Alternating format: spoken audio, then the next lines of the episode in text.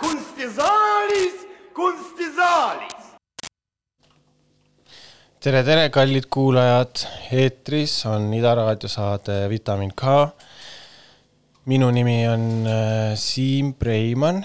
ja mina juhin esimest saate poolt, Lilian võtab üle teises pooles ja minul on külas äh, Maria-Helen Känd EKKM-ist, tšau. tšau, tšau. ja teises saate pooles Lilian räägib äh, Kristjan Õllekuga. aga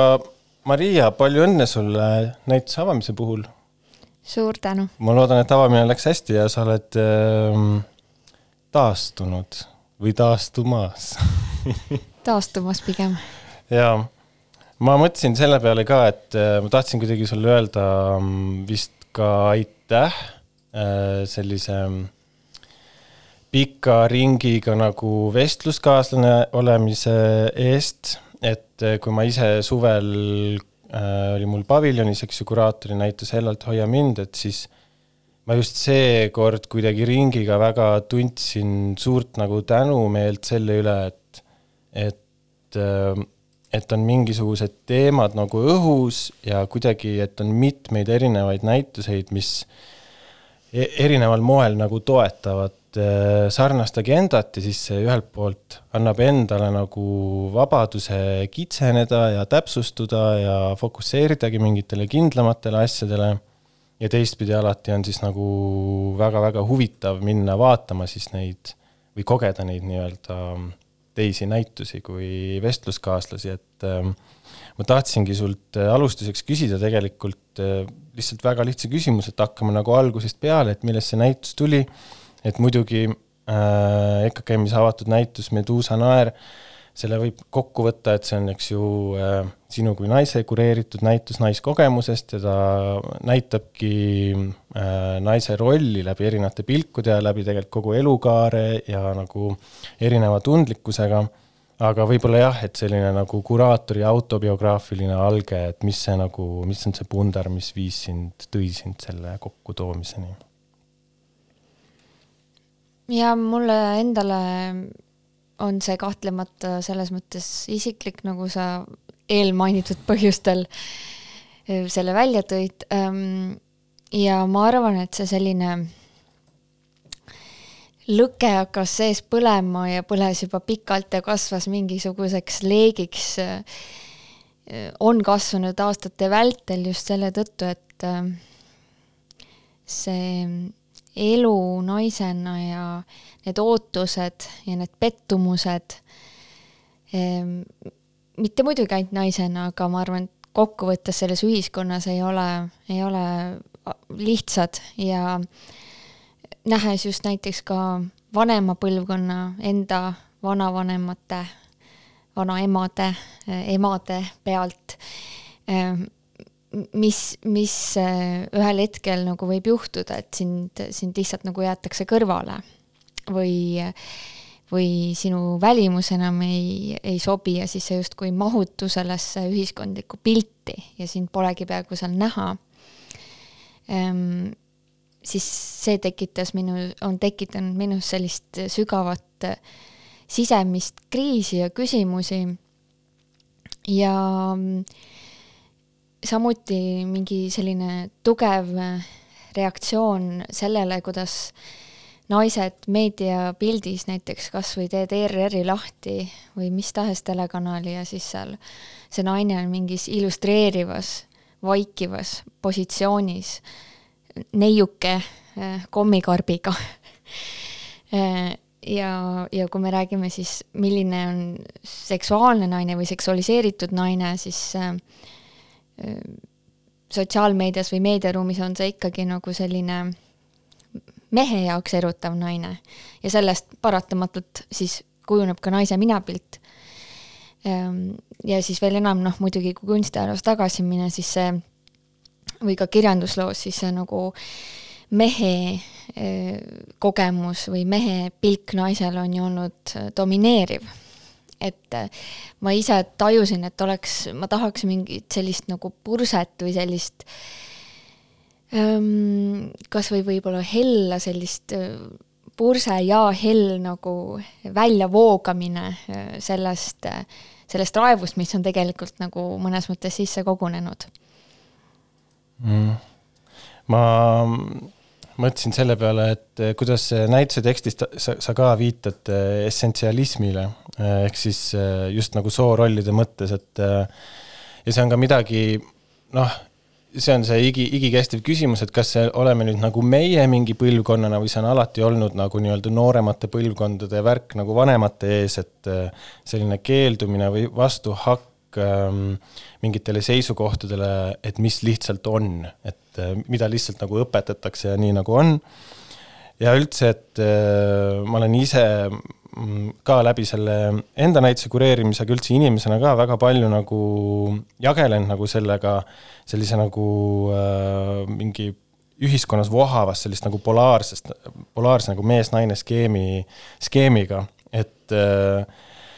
ja pigem nagu mind huvitab see, et, et kas on olemas nagu mingisugune empaatilis inimlik skeem ja mulle tundub, et, et sul on samamoodi, et sul on see nagu lähtekoht on oma sookogemuses, aga tegelikult juba nende pilkudega, mis sinna sisse tuleb, ta hakkab nagu jõudma mingisugu-, jõudma mingisuguse üldise poole ja, ja neid, ma jäin nagu mõtlema korraks, et ähm, mingeid näiteid, et vahepeal ma luge-, kuulasin äh, podcast'e on ju, su-, su-, suhete teemal, et kuida-, suhte podcast'e. ja siis ka ühest mul jäi äh, rasked kuulamised on need asjad, sest et sageli ikkagi noh, levivad sellised nagu väga kindlad seisukohad, siis mul jäi kõlama, et äh, näiteks, et mees on lipuvarras ja naine lipp selles lipuvardas on ju. ja siis jälle nagu mõtled, et vau, et noh, et millist nagu jäikust ja mingit üleinimlikku püsivust äh, projitseeritakse siis nagu meesrollile ja siis nagu millist nagu sõna otseses mõttes nagu lipakas olemist nagu naisele, et umbes, et kuhu, kuhu tuul juhatab, on ju, et täiesti nagu äh, et äh, vau, ja noh, et inimesed nagu elavad tegelikult selliste asjade järgi ja need, need nagu seisukohad kuidagi maalivad või värvivad, eks ju, eksisteerivaid suhteid, äh, paarisuhteid, sõprussuhteid, äh, põlvkondade üleseid suhteid. ja ma mõtlesin, mind nagu huvitab, et kuidas sul sest näitusele sa oled, eks ju, kokku toonud nii välismaalt kui, kui siit kunstnikke erinevatest põlvkondadest, et kas selliste nagu ühiste vestluste jooksul sai ka kuidagi nagu natuke hambaid murtud nagu selliste äh, erinevate seisukohtade suhtes nagu omavahel? või kuidas see niisugune kambavaim või selline meelsus, kaasatulemine selle kuraatori positsiooniga oli? Jah, ma kohe alustuseks ütleks, et kui mul oleks va-, nagu võimalus sellises maailmas, kus me elame, mitte rääkida meestest ja naistest, siis ma muidugi teeks seda, aga noh, me kahjuks elame veel sellises maailmas, kus me peame sellest kuidagi rääkima. või siis mitte mees-naisest võib-olla, aga sellest, et on ka teisi variante ja, ja, ja kuidas seda siis ikkagi esile tuua, et mis, mida mina nagu isiklikult ei usu ja miks ma usun, et, et see selline võib-olla nagu nii-öelda vastandarvamusega või nende arvamustega, kes siis tõesti arvavad, et mees on, ma ei tea, pea ja naine on kael või, või mees on lipuvarjas ja naine on lipp, et siis nagu sellele niimoodi nagu raevukalt vastanduda. ma ei tea, kas see nagu viib kuskile, et vastumeelsustele tuleb näidata, aga kunst on selles mõttes nagu minu jaoks kõige ähm, mõnusam, leidlikum keel selle jaoks ja, ja selles mõttes need positsioonid, mis ma olen sinna valinud, ma loodaks ka, et teevad seda läbi poeetilisuse, kujundlikkuse, äh, huumori, et, et, et kuidagi loksutada lahti neid väga kinnistunud arusaamasid. Aga mis puudutab äh, vestlustesse kunstnikega, siis jaa, äh, ma arvan, et minu enda jaoks oli ka nagu selliseid üllatavaid momente, et kui ma suhtlesin kunstnikega, siis mõnel kunstnikul oli nagu konkreetne ootus, et ta tahab teada, mis teised kunstnikud on sellel näitusel ja kas seal on ma ei tea, esindatud näiteks ähm, mustanahaliste naisterahvaste positsioon, kas on esindatud non-binaarsete inimeste positsioon ja nii edasi, et see kõik on arusaadav. ja, ja tehes sellist tundlikku ja ja mõnes mõttes igasuguste identiteetide peal kompavat näitust, siis, siis see on see, millega sa kokku puutud ähm,. aga põlvkondlikult ma kuidagi me rääkisime nendest teemadest, aga ma keskendusin alati nagu selle kunstniku enda äh, initsiatiivile või sellisele mm, mõttetööle ja, ja pakkusin talle tagasisidet muidugi vastavalt enda nägemusest ja alati noh, nagu rääkides, et mis, mis seal näitusel veel tuleb. Ähm, aga ma ei põrkunud mingisuguste selliste seinade vastu, et ma ise enda jaoks oleks pidanud midagi nagu selles mõttes või selle kunstniku jaoks midagi pehmendama või ümber sõnastama. võib-olla nad ise tunnevad sisimas midagi vastupidist, ma ei oska öelda. jah, selleks peab nende käest ise küsima äh,. hiljuti oli äh, jälle see Siimu väike jutunurk siia vahele. Elektronis äh, Liisbeth Horni lavastust käisin vaatamas mm,. seda nüüd vist rohkem ei tule, et äh, võib-olla ma võin siin nagu spoil ida laval, eks ju, kaks naist, üks mees ja kõigepealt mm, mitte päris alguses, on ju, esimeses kolmandikus äh, naised lähevad kaklema omavahel ja päris jõuliselt äh, nagu usutavalt vägivaldselt. ja kuidagi see, see kõik, mis oli nagu eelnenud, oli olnud nagu piisavalt äh, humoorikas et äh, me kõik naersime, kes me saalis olime. ja siis üks hetk tõuseb see meestegelane püsti, ei ole ühtegi sõna siiamaani öelnud, ainult äh, nagu kirjutatud teksti teel suhelnud publikuga, ta ei ole tegelikult nagu vokaliseerinud. ja siis istub äh, Lisbethile, kes oli siis nagu norinud tüli ja selle kakluse alustanud, on ju, rinnale ja ja käed põlvede alla ja hakkab teda kägistama. ja siis see kestab ja kestab ja muidugi kogu publik äh, jääb vait. minu jaoks see oli nagu väga triggering äh, kogemus. Nad said mu nutma vähem kui poole tunniga teatrisaalis, selles mõttes ma olen nüüd nagu fänn vist nagu elu lõpuni, et äh, kui osatakse puudutada selliseid kohti, aga samas see nagu muutis mind ka nagu väga, ma hakkasin nagu sain nagu aru, et noh, et mis see, või ma ei saa, ma ei tea, kas ma sain aru, aga ma hakkasin igatahes mõtlema selle peale, et mida see mu pilk siis nagu tegi. et kui võrdselt äh, vägivaldsed aktid nagu naiste vahel, sama, sama, sama soo vahel ja siis mees-naine, et mis seal siis nagu nüüd nagu muutus, et miks see üks oli kuidagi nagu naljakas ja võib-olla isegi mitte tõsiseltvõetav või ja teine kuidagi läks nagu kohe väga tumedasse kohta. ja siis, miks ma seda räägin, ma jäin nagu selle enda pilgu peale mõtlema, aga tegelikult seal kohe näituse alguses, kus on, eks ju, sina ütled nüüd mulle kohe selle kunstniku nime, Soome kunstnik. Salla Tükke. kelle video Lasso, eks ju, on suurelt esimesse saali projitseeritud ja seal kõrval on äh, Liil Estbergi äh, fotod, eks ju, ka mehe kehast ühesõnaga, et ma jäin nagu kuidagi mõtlema, et, et huvitav, et eks ju Meduusa pilk ja me räägime nagu sellest naiskogemusest, aga et siis me alustame sellest pilgust nagu mehe kehale ja selles Lasso videos ka pärast, kui ma neid tekste lugesin, siis noh, sa kirjutasid sellest, kuidas läbi klaasi siis on ju naine imetleb seal palju ülakehaga mingeid täielikku idiootsust, idiootsusega tegelevad nagu meest, on ju et kuidagi jälle minu pilk hakkas nagu vaatama, et noh, milline nagu altpoolt üles mehele ja kuidagi mingit imetlust seal ja niimoodi. aga siis muidugi hiljem ma nagu tajusin selle ära, et, ähm, et seal kõrval need jälle Lee Lestbergi asjad, mis ei ole seksualiseeritud, vaid pigem kuidagi inimlikult õrnad, et see ongi see, mis näitab seda noh, selle meduusa pilgu siis nii-öelda kui sellise arhetüüpse naise pilgu nagu erinevat, erinevat vormi või erinevat tugevust või aga ma ei tea, ma vist lihtsalt siia tahtsin küsida just seda, et, et kuidas sa ise mõtlesid selle peale, et sa alustad ikkagi nagu, mul tuli isegi selline mingi Aadama küljeluu nagu võrdlus, et ikkagi nagu peab alustama sellest, et et on see mees seal kõrval ja siis me kolmandal korrusel jõuame lõpuks, ma ei tea, naistevahelise armastuseni näiteks, on ju. et jah, et võib-olla sinu poolt sellest otsusest ja teisalt ka see, et äh, mis sa siis arvad, mis see minu pilk seal tegi su, esiteks jaa, selles mõttes EKKM-i maja, ta ei ole nagu selline kunstihoone paviljoni kujuline lootsik või noh, selline sõõrik on ju, kus sa saad horisontaalselt kureerida, et ta on mm. ikkagi nagu selles mõttes, seal on mingi dramaturgia juba nagu paratamatult paigas.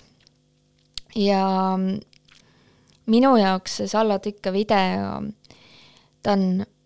äärmiselt muidugi eepiline, seal on põimuvad romantiline trillerlik perspektiiv aga ma näen seal, ma tajun seda, mida sa mõtled selle imetluse aspekti all, aga minu jaoks, mis teeb selle video huvitavaks, ongi see kuidagi see, ka see noore naise, kes on see video nagu peategelane nii-öelda, tema selline nagu eneseavastus retk või see kogemus, et ta, ta läheb sinna maja juurde, ta üritab kohtuda nii-öelda teisega, ta ei saa sinna päris ligi ja ta mõnes mõttes tajub seda positsioneeringut nagu ühiskonnas, et see on küll nagu arhitektuuriline lahendus seal videos, aga see on nagu see, mida mina seal nägin, see barjäär, see, see tõkestus, et, et see mees on oma võimupositsioonil, teeb neid võimutrikke, Lassoga, mis on väga selline maskuliinne ese ja tema on ümbritsetud, ma ei tea, raamatute, piltidega, sellise kultuuriajaloolise ähm, stuff'iga, samal ajal kui see naine on siis nagu väljapoole jäetud. ja samuti see oluline aspekt, see, kui me räägime just sellisest kasvamisest või coming of age nagu momendist, siis, äh, siis ta kohtub seal oma selle enesepeegeldusega, mis on ka selline teadvusele tulek või, või jah, teadvusele tulek sellest, ma ei tea, mis on üldse seksuaalsus, sugu, füüsilisus, keha. ja selles mõttes sinu pilk minu meelest tabas hästi selle ära, et tegelikult minu taotlus Lillesbergi fotot sinna kõrvale panna oli just sellepärast,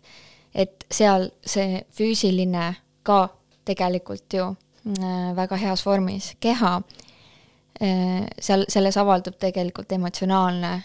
haprus, sissepoole vaatavus. Ja kui me räägime just naise pilgust mehe kehale, siis ka see on öö, ähm, oluline või see on samamoodi atraktiivne naisele, sõltumata, et me, noh, mees ei pea olema selline Arnold Schwarzeneggelik äh, ülim kangelane, et, et temas on ka teisi poolusi, mis on tegelikult ilusad jah, ja ma pärast äh,, täna hommikul mõtlesin selle peale, kuidas siin on ka see reverse, et sellel naisel on seal nagu ossidressid seljas, on ju. et just see tüüpiline kujund, et noh, kutid umbes sauna akna taga piilumas, et see nagu teeb noh, ideaalselt nagu tšik, lihtsalt vahetab need pooled nagu ära selle mingi et päris, mul ei ole ka siin nagu seda vastust, aga et ma nagu mõtlen ka, et hmm, et olla nagu niimoodi objektistatud et siin, see on nagu mõttekoht nagu ja see voyeuristlik äh, moment on seal ka hästi oluline, et tegelikult, et ma arvan, et kui me meenutame tagasi või kui meil tulevad mingid psühholoogilised pildid sellest, kuidas me ise oleme kedagi vaadanud niimoodi kas või salaja, siis see on tegelikult hästi huvitav moment, mida sa tabad ennast tegemast mm. -hmm. aga kuidas sa üldse, kuidas need äh, kunstnikud ja teosed nagu sinuni jõuavad, et võib-olla oleks huvitav kuulata protsessi kohta, et äh, kas on väga palju materjali kuidagi arhiivi kaudu läbi töötada või see on selline mustri märkamine, et asjad kuidagi satuvad õigel hetkel sinu äh, õuele või noh, neid nagu lähenemisi on erinevaid kuraatorina? ma arvan, et selle projekti puhul äh, minu jaoks oli ikkagi üks konkreetne algteos, mis on ka seal näitusel väljas, see on see Pauline Cournier Jardini video teos teisel korrusel siis, ähm, kus ma, mul tekkis see äratundmismoment, et vot, vot selliseid teoseid ma tahan näidata või sellisest, sellist kunsti naise seksuaalsuse, naise keha kohta ma sooviks veel näha. ja, ja seda ma kuidagi kohe teadsin, et see teos peab seal näitusel olema ähm,. muidugi see ampluaa oli laiem ja see kunstnike ring, keda ma sinna kaalusin, oli laiem ja kindlasti on Eestis no kümneid kunstnikke veel, kes oleks sinna ideaalselt sobitunud äh, kuid mõnes mõttes oli minu jaoks, kuna see on minu esimene näi-, kureeritud näitus EKKM-is, oluline ka näidata EKKM-is võib-olla kunstnikke, keda seal ei ole varem näidatud, ka Eesti kunstnikke. ja kuigi näiteks Lillesberg on ühe korra varem EKKM-is eksponeeritud, siis, siis ma tahtsin teda kuidagi taas tuua sinna ja samamoodi näiteks Terjet ei ole kunagi näidatud, Krissi pole kunagi EKKM-is eksponeeritud. et see, see kõik oli minu jaoks kuidagi oluline, et, et ähm, mingid teistsugused kunstnike hääled saaksid ka EKKM-is äh, kõlapinda. ja ähm, minu jaoks jah, ma arvan, ma ei tea, kas ma vastasin su küsimusele, aga igatahes sellest, sellest teise korruse videost see näitus algas ja see kindlasti ma tundsin ka algusest peale, et see vananeva keha ja naise loomulik äh, selline elukaar on selle näituse kindlasti üks olulisi äh, koostisosi mm. -hmm see on äh, jah, kõrvalepõikene kommentaar lihtsalt ka jälle, et see on huvi- äh,.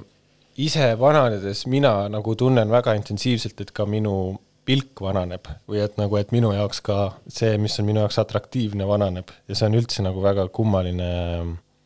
mõt-, seda kogedes on minu jaoks väga kummaline nagu mõelda selle, selle nooruse ja kuidagi selle niisuguse Lolita mingi vaibi peal üldse, mis kuidagi on nagu nii domineeriv, kuidas nagu ilu mõistetakse ja seksuaalsust mõistetakse, et ma ei, mul praegu läheb küll nagu väga konkreetselt läheb joon ikkagi seal kahekümnendate aastate teises pooles on ju, kust nagu minu jaoks see atraktsioon nagu töötab, et see on nii kumma, see on jah, väga-väga. aga võib-olla seal tuleb ka keskeakriis? ja vot äh, ma ei tea, võib-olla ma olen nagu mõelnud selle peale, et kuidas see aju minu aju,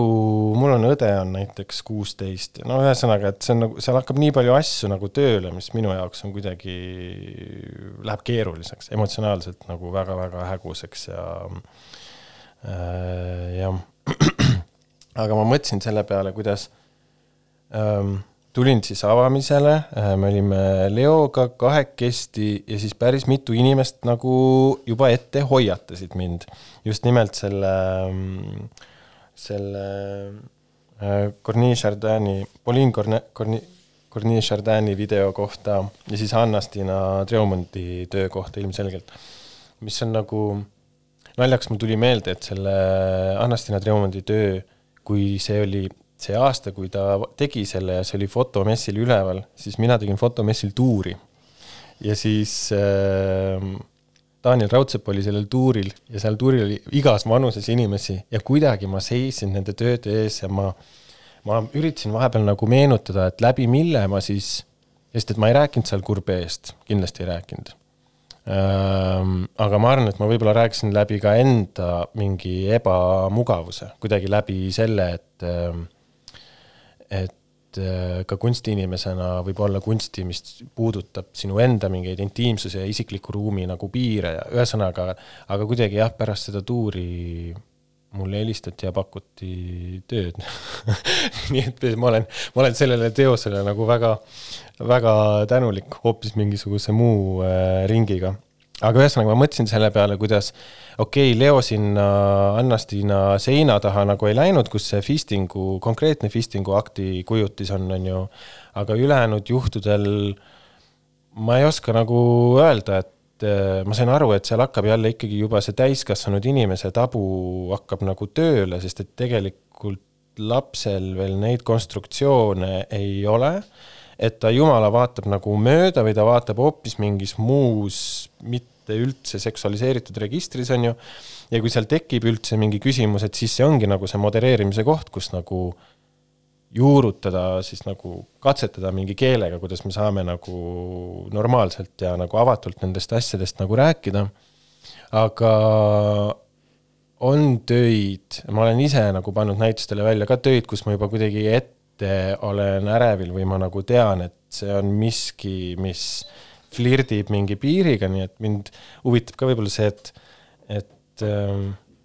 noh, et sa ju teadsid, sa ju teadsid, et on mingid tabud ma teadsin, aga ma tahtsingi seda. selles mõttes, et äh, ma isiklikult igatsen kunstis mingit transgressiivsust ja sellist äh, kehalisust ja, ja piiridel kompamist, et ähm, mulle väga meeldivad sellised kokkupuuted äh, kas etenduskunstides või kunstis, kus mul on ebamugav mm -hmm. ja ma, see, see näitus muide ongi, meil on silt väljas, et see on soovituslik alla neljateistaastastel külastada ikkagi kas lapsevanema või siis pe kunstipedagoogiga. ja, ja ma, ma olen sellest teadlik ja olin sellest teadlik ja see oli ka mõnes mõttes nagu üks selle näituse taotlus olla selline ekspressiivne ja, ja julge ja mitte lasta enda, end nendest kristlikest kehaga seotud tabudest häirida. et mm -hmm. see on minu meelest seda ühiskonda suhteliselt koormav nähtus, kuidas me nii loomulikku asja nagu keha või seksuaalsus üritame nagu maskeerida või siis kuidagi ümber kõnelda sellest. Ähm, ja on ju teada, et ma ei tea, naiste masturbeerimine, kõik sellised asjad, see on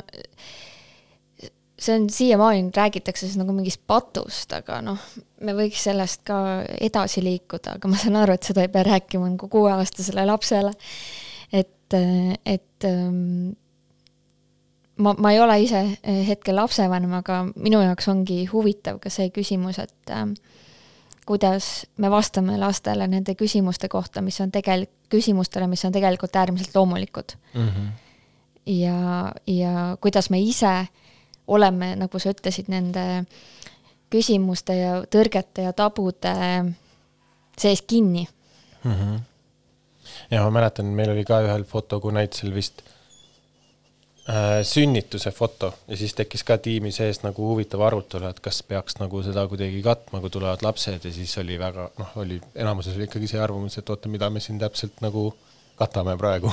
Midagi väga loomulikku. Ehm, kuidas see nüüd on ta esimese nädalavahetuse lahti saanud ka olla, et äh, kas on juba inimestelt, kes seal saalis on igapäevaselt mm, mingisugune tagasiside või selle jaoks on veel natuke liiga vara? Kusjuures üllatavalt palju on lastega peresid tulnud seda Aha. näitust vaatama, aga õnneks selliseid äh, negatiivset või murelikku tagasisidet ei ole olnud, et äh, mulle tundub ka, et Eesti kunstipublik on selles mõttes jõudnud mingisuguse sellise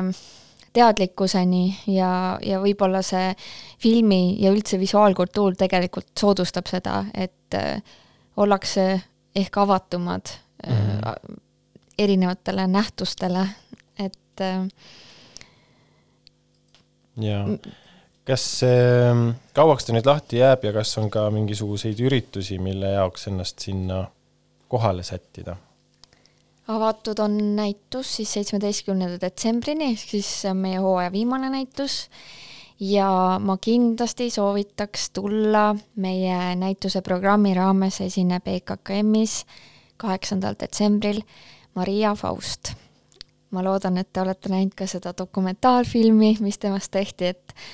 äh, selline powerhouse naine kindlasti on olnud väga inspireeriv mulle ka seda näitust tehes või selle taustal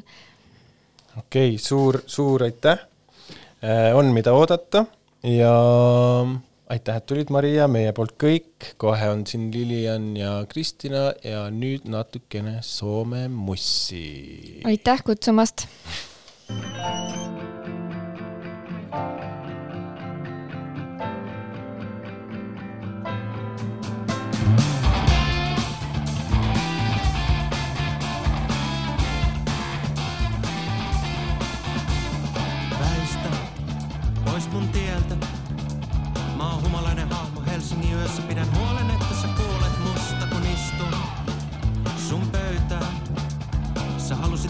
jauhan sulle, edellinen porukka vaan naura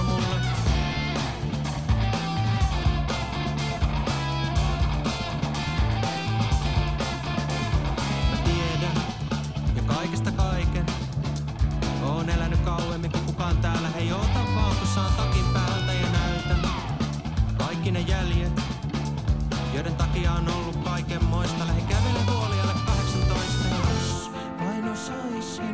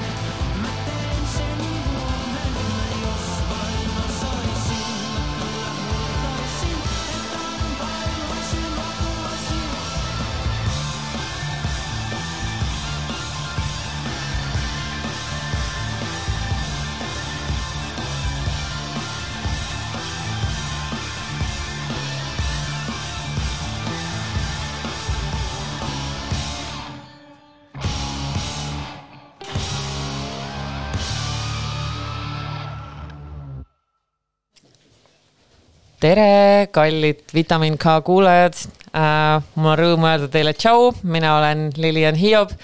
ja mul on väga hea meel äh, tervitada siin teises saate pooles kunstnik Kristina Õllekut. tšau, Kristina.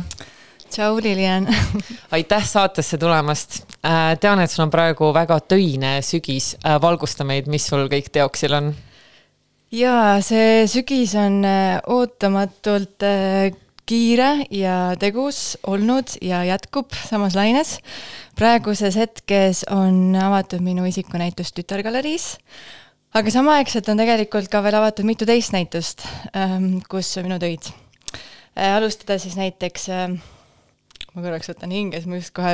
kiirustades tulin siia hakka räppima kohe kõik ette. sest et sellest eetrisse ma jõudsin üldse stuudiost, kus ma samamoodi valmistasin ette järgmise näituse avamiseks, mis tuleb Pariisis, kuhu ma lähen pühapäeval.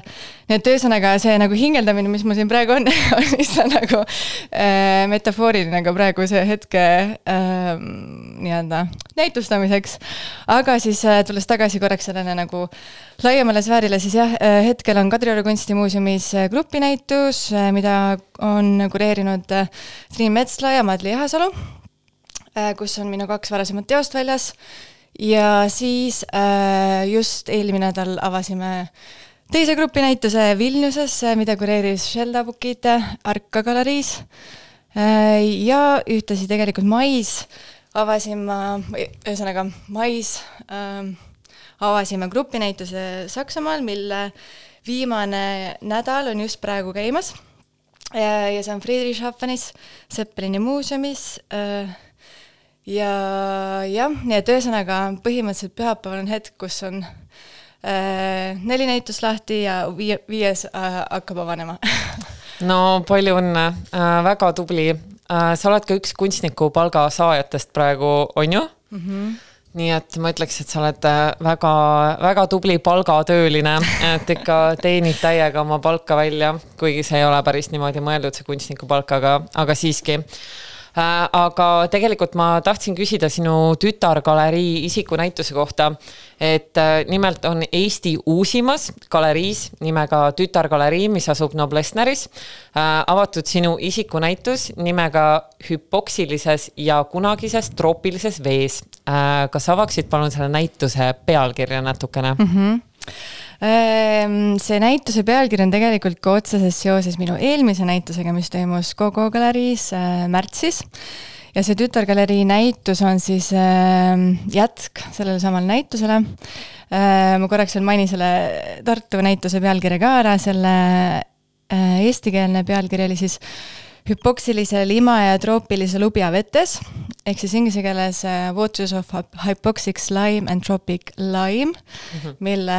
riimule märksa meeldib inglise keeles rohkem ja see, ja seega tuletis selle, kogu see pealkiri tuleneski inglisekeelsest esialgselt, mida siis tõlk-, tõlkisin eesti keelde. aga see hüpoksiline tähend-, siinses mõistes tähendab siis praegust või viitab praegusele olukorrale Läänemeres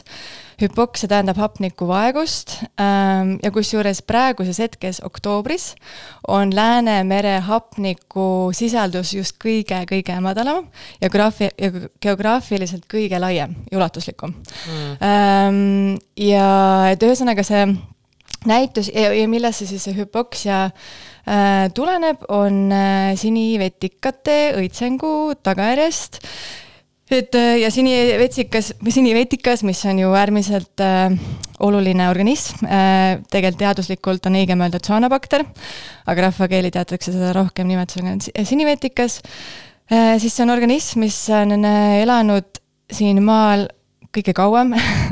kõikidest elavatest organismidest, kolm koma viis miljardit aastat. Mm ja, ja ühesõnaga tänu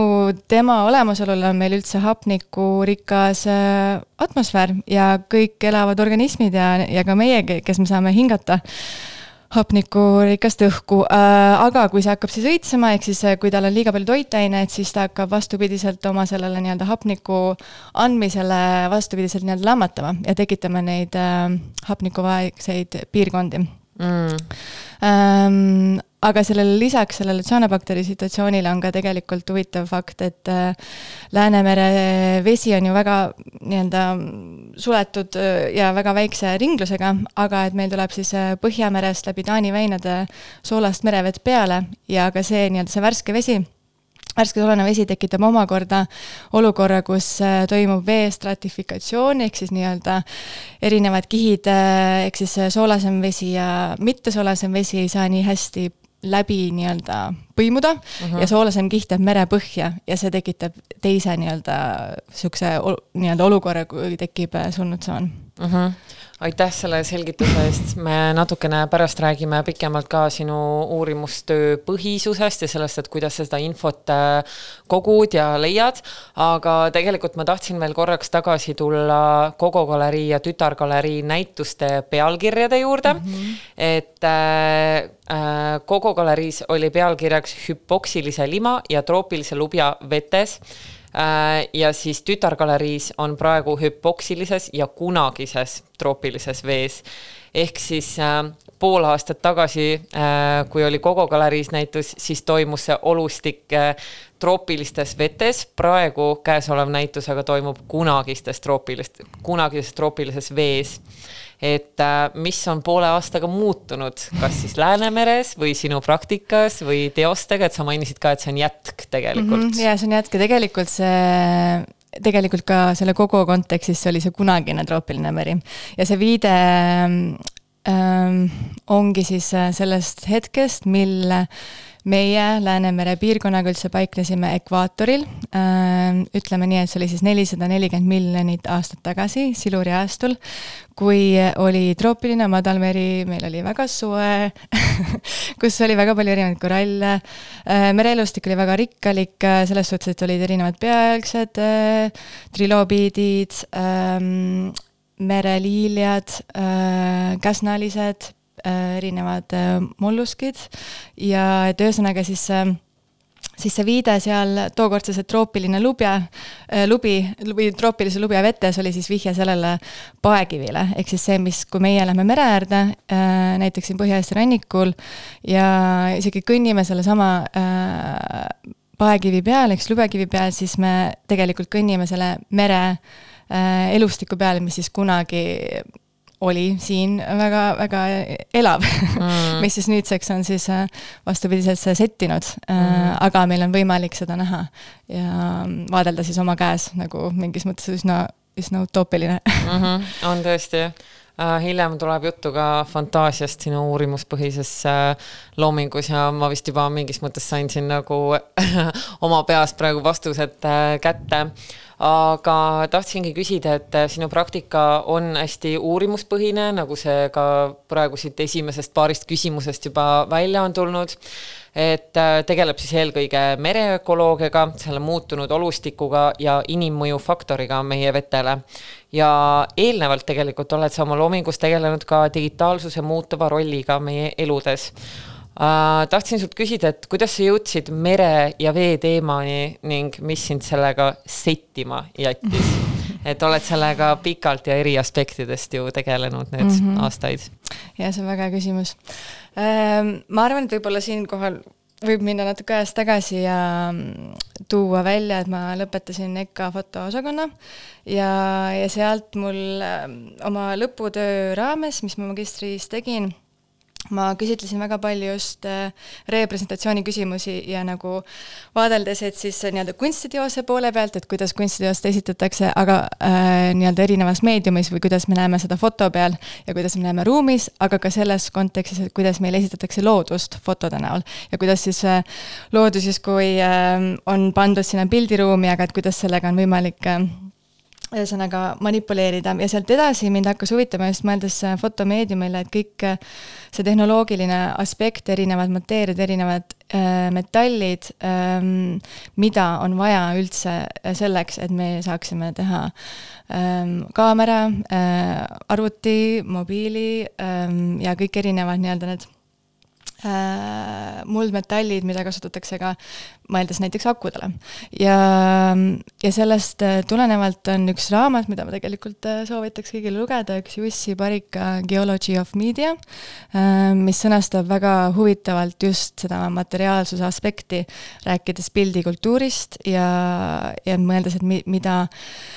mida on kõike selleks vaja, äh, et me saaksime üldse ühe digitaalse kujutise mm. Ähm, ja kui palju vett selleks ka läheb mm. Äh, aga nagu sellest edasi ruttavalt, siis äh,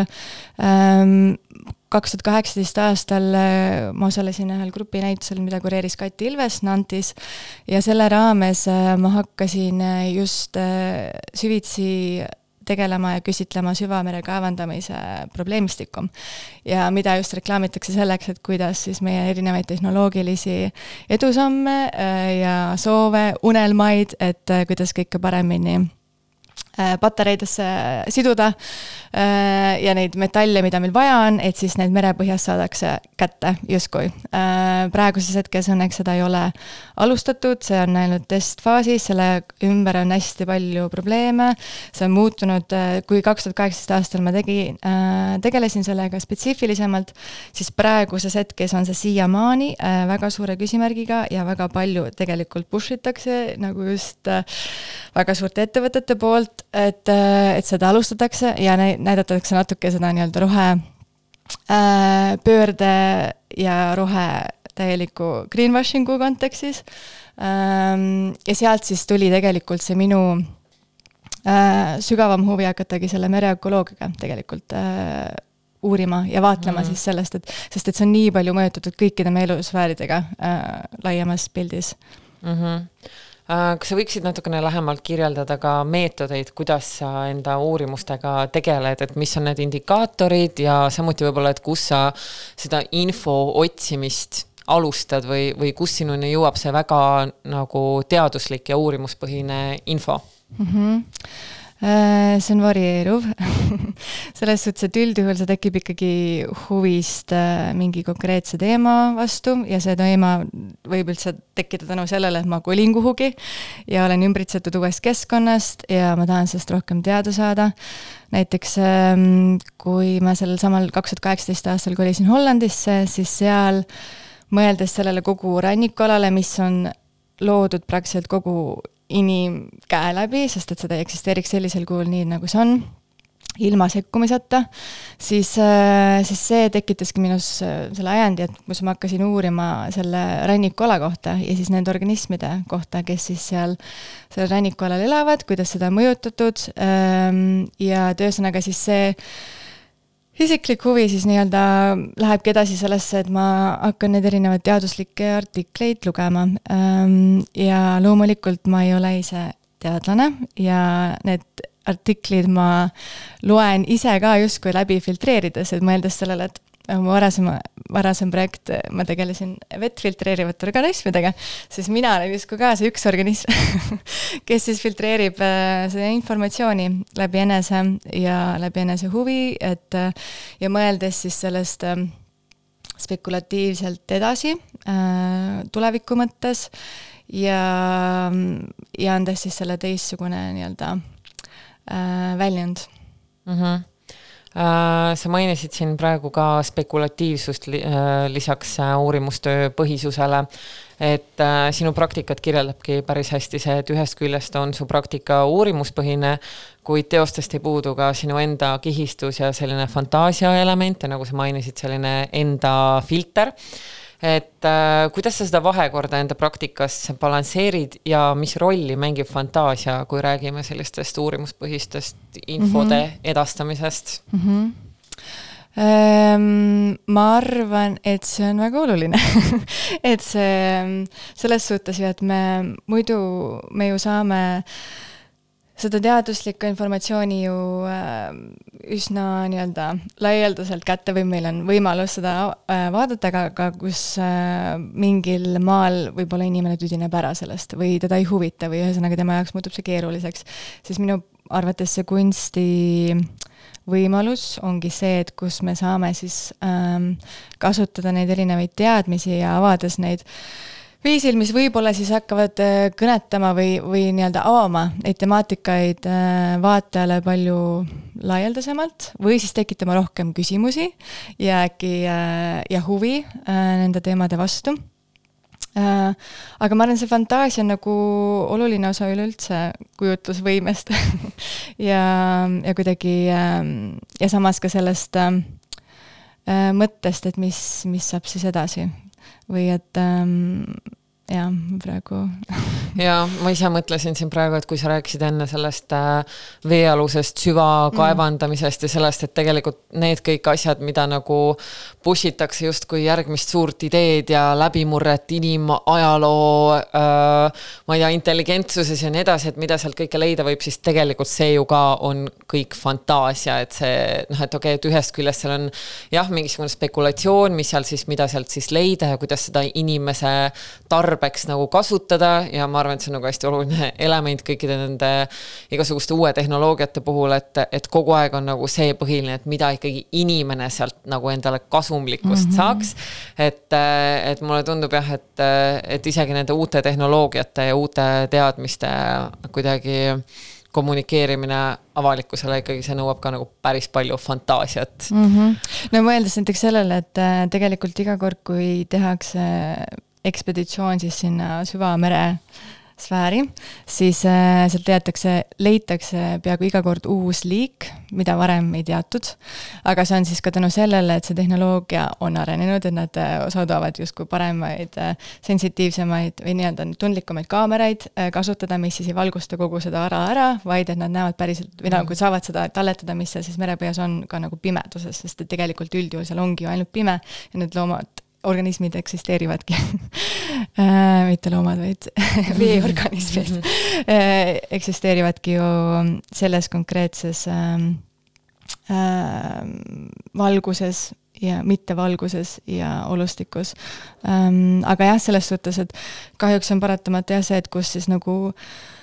inimese mõõde on väga tihti see, et kus ta mõtleb, et ta kasutab kõik iseenda jaoks ära, aga mõtlemata sellele, et tegelikult kõik see, mis seal eksisteerib äh,, mõjutab ka meid kaudselt ja kui mingil hetkel nagu seda sfääri mõõt-, nii-öelda muudetakse viisil, et see kunagi ei taastu, siis samamoodi meieni jõuab see väga kiiremas korras äh, ja mõjutab meid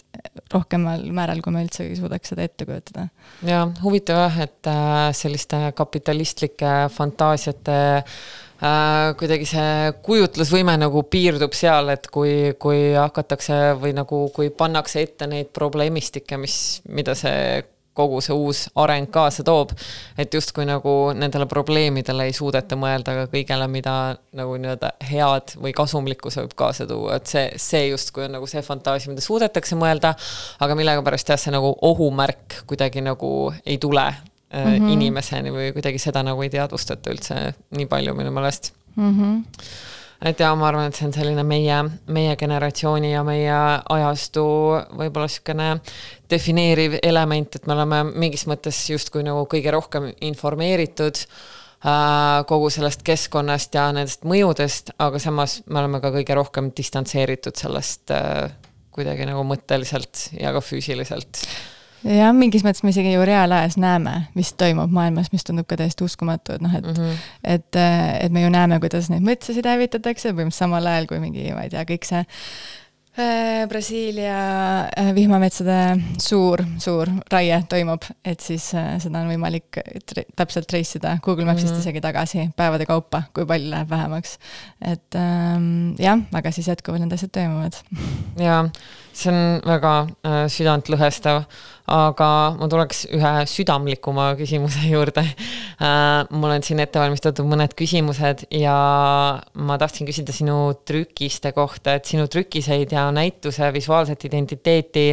kujundab tihti graafiline disainer äh, Gert Viiart äh,, kellega lisaks heale koostööpartnerile olete te tandem ka eraelus ja sa alati tood teda näitust kommunikeerides äh, esile.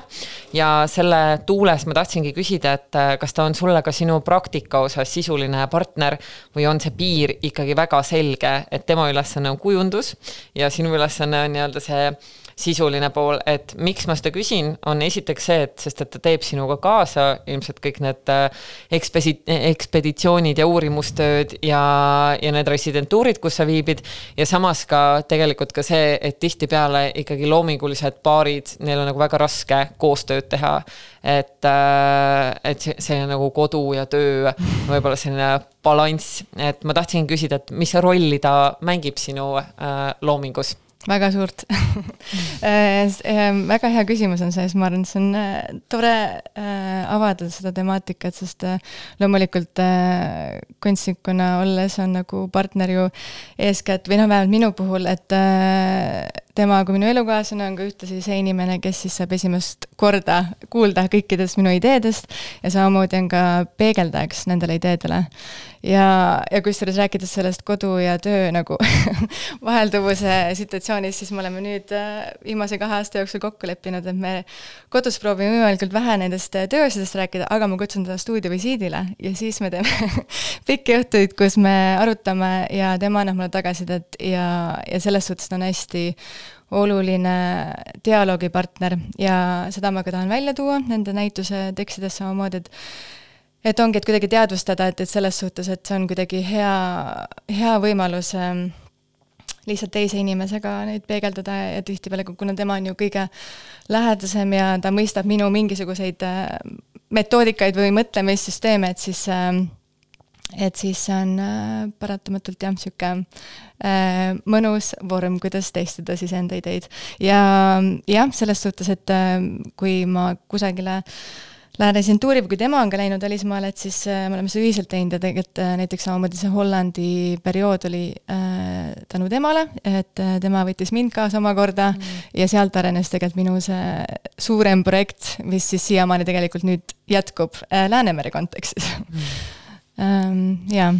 ja väga kena ja ma olen kuidagi jah, nagu tähele pannud, et sa alati tood teda hästi esile ja mulle väga sümpatiseerib see ka, sest et tihtipeale need äh, partnerid just nagu sa ütlesid, on esimesed, kes selle idee laviini saavad ja kuidagi omakorda veel filtreerivad sealt midagi sulle tagasi, aga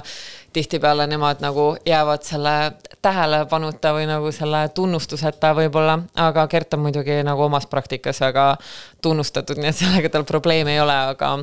aga jaa, tore kuulda, et ta on sulle sisuline partner ja tervitused Gerdile, kuidas ta kuulab aga tahtsin veel küsida tehnikate kohta, mida sa oma teoste tegemisel kasutad. et nagu sa siin enne ka mainisid, sul on fotokunstniku taust Äh, mitte, et see täna kaasaegses kunstis otseselt just midagi defineeriks, aga sinu teosed on installatiivsed ja kasvatad ise äh, soolaskulptuure või soolakristalle ka oma äh, teoste peale, ka oma fotode peale. samuti kogud sa vett, kasvatad vetikaid. Et äh, tahtsin küsida, mis sind selle aeglase protsessi juures köidab või mida sa selle juures tähtsaks pead, et sa ei tegele ainult fotoga, vaid ka just selle füüsilise füüsilise mateeriaga, millest sa oma teostes räägid mm? -hmm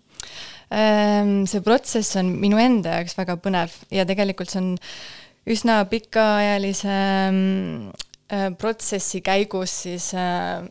välja töötatud. Ähm, koroona lockdown'id olid selle jaoks ühed head ajad selleks, et kui me kellegi teisega ei saanud suhelda, siis ma suhtlesin selle vastu stuudios nende teiste äh, abilistega, nagu näiteks Meresoolaga aga ühesõnaga, et ähm,, et see protsessi põhisus ähm, on mõnus, sest et äh, selles hetkes ma ju annan ka enda äh, mingit kontrolli vabaks, äh, ehk siis see, et äh, kui ma näiteks kasutan seda meresoole kasvatamist fotole, siis seal on aspekt nagu nii-öelda äh, olukorrad, kus siis see kasvab omasoodu ja minu, minu nii-öelda teha on see, et ma natukene poputan seda, et see kasvaks ja et see kasvaks mingil viisil, aga samas selles on ka seda ettearvamatust. Ja mulle meeldib selle puhul just see võimalus, et, et see iga kord on äh, omamoodi ja on mõjutatud ka kliimast, äh, temperatuurist, äh, õhuniiskusest ähm, ja et, ähm,